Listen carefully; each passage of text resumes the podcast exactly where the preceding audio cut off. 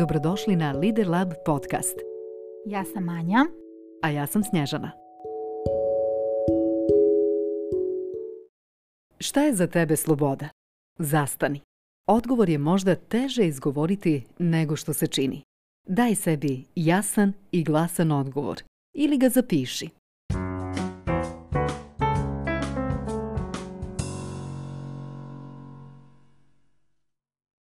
Da li slobodu doživljavaš kao određenu emociju ili određeno stanje, ili pak kao svoju materijalnu realnost? Nema pogrešnih odgovora. Samo ne nastavljaj da slušaš dok odgovor nije potpuno jasan, izgovoren ili zapisan. Pauziraj ovaj audio zapis.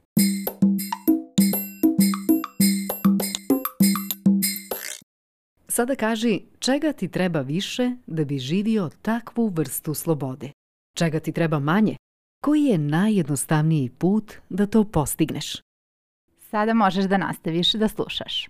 Ako si poput nas i većina ljudi koji žive u civilizovanom svijetu i koji su svjesni svoje materijalne realnosti, zasigurno ste u barem jednom od odgovora pojavilo pitanje novca, makar u pozadini izgovorene misli. Lično mi je teško da zamislim slobodu da kreiram motivacijne sadržaje kada ne bih imala zadovoljene potrebe sa dna maslovljeve piramide, kad bih bila gladna i žedna, na primjer. A da to ne bih bila, potreban mi je novac. Teško mogu da zamislim da tuđe živote činim ljepšima i ugodnijima, što je visoko na ljestvici mojih vrijednosti, kada ne bih imala financijsku nezavisnost i slobodu. Koliko dugo bih mogla da ostane motivisana da dijelim poruku sigurnosti dok moji računi leže neplaćeni? I sve ovo što smo izgovorili čini se gotovo trivializacijom realnosti koja nam je svima poznata. Da, sve nam je jasno. A opet imamo ograničavajuća uvjerenja po pitanju novca. Mene ne zanima novac. Kaže mi jedna sjajna kreativna mlada žena koja stvara remek dijela. I naravno ne naplaćuje ih ili se sva zbuni kada neko pita za cijenu. I naravno da bi obezbijedila osnovne životne potrebe, tavori u kancelariji sa ljudima sa kojima ne dijeli gotovo nikakve zajedničke vrijednosti. To je grijeh. Ona se, vjerovatno nesvjesno, odriče svoje slobode. I to zbog novca. Vidite li ovdje paradoks? Želim slobodu. Nisam spreman da prihvatim novac kao naknadu za ono od čega mi srce igra. I onda radim ono što suštinski ne volim, da bih opet zaradila taj isti novac.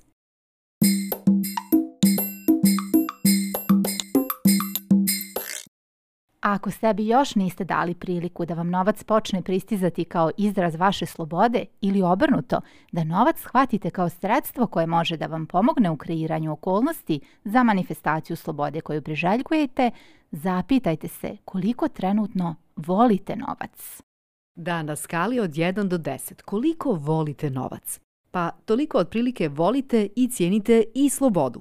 Ma šta vi racionalno mislili? Poruka koju šaljemo svom mozgu ne otvarajući se potpuno za energiju novca je istovremeno poruka straha od stvarne slobode i moći. Samo ne zaboravite da dok suštinski niste moćni, nemate baš puno toga da ponudite svijetu. Ono što nemamo za sebe, teško dugoročno možemo da dajemo drugima. Većina ljudi s lošom energetskom bazom neće se upuštati u prevelike rizike i neće eksperimentisati s novcem. Oni će podsvjesno tražiti sigurne poslove na kojima je sve manje više poznato i na kojima se ne događa puno toga. Po svaku cijenu nastojaće da izbjegnu promjenu koja bi mogla da naruši prividnu stabilnost. Čak i onda kada su s poslovima koje obavljaju krajnje nezadovoljni. Ali ta borba za održanjem stabilnosti i statusa quo energetski iscrpljuje, guši konstruktivan kreativni potencijal, sposobnost stvaranja nečeg novog, drugačijeg i originalnog, što je jedina sigurna formula za priliv novca i život u blagostanju. Razmislite o tome, čega se držite grčevito, jer vam djeluje kao sigurna opcija. Mnoga naša osnovna uvjerenja o blagostanju i novcu formiraju se u ranom djetinstvu posmatranjem i internalizovanjem novčanih poruka koje smo naučili od roditelja, prijatelja, zajednice i drugih. Pogotovo od naših roditelja. Kao mali ljudi jasno smo posmatrali kako se odrasli bave novcem i životom.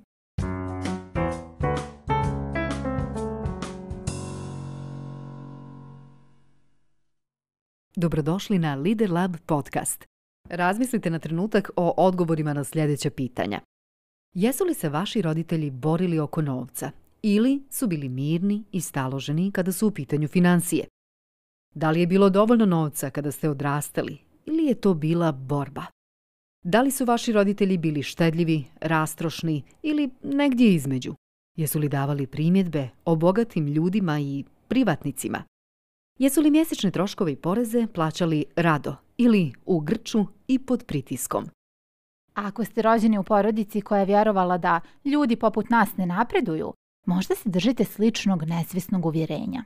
Zaraditi više novca nego što bi vaši roditelji mogli zaraditi ponekad može doprinijeti tome da se osjećate stvarno nelagodno i blokirano.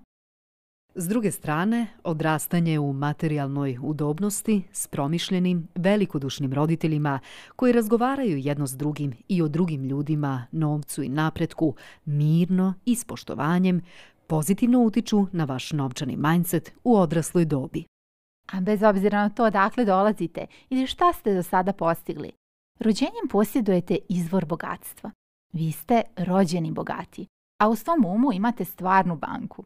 Prvi korak jeste da razumijete šta znači rečenica da bogatstvo nastaje u našoj glavi. Ne radi se tek o pozitivnim mislima ili o želji da budete bogati. Nepromjenjiv zakon univerzuma nalaže da prvo nešto morate imati mentalno kako biste to dobili fizički. Drugim riječima, morate zaista stvoriti u svojoj mašti novac koji želite.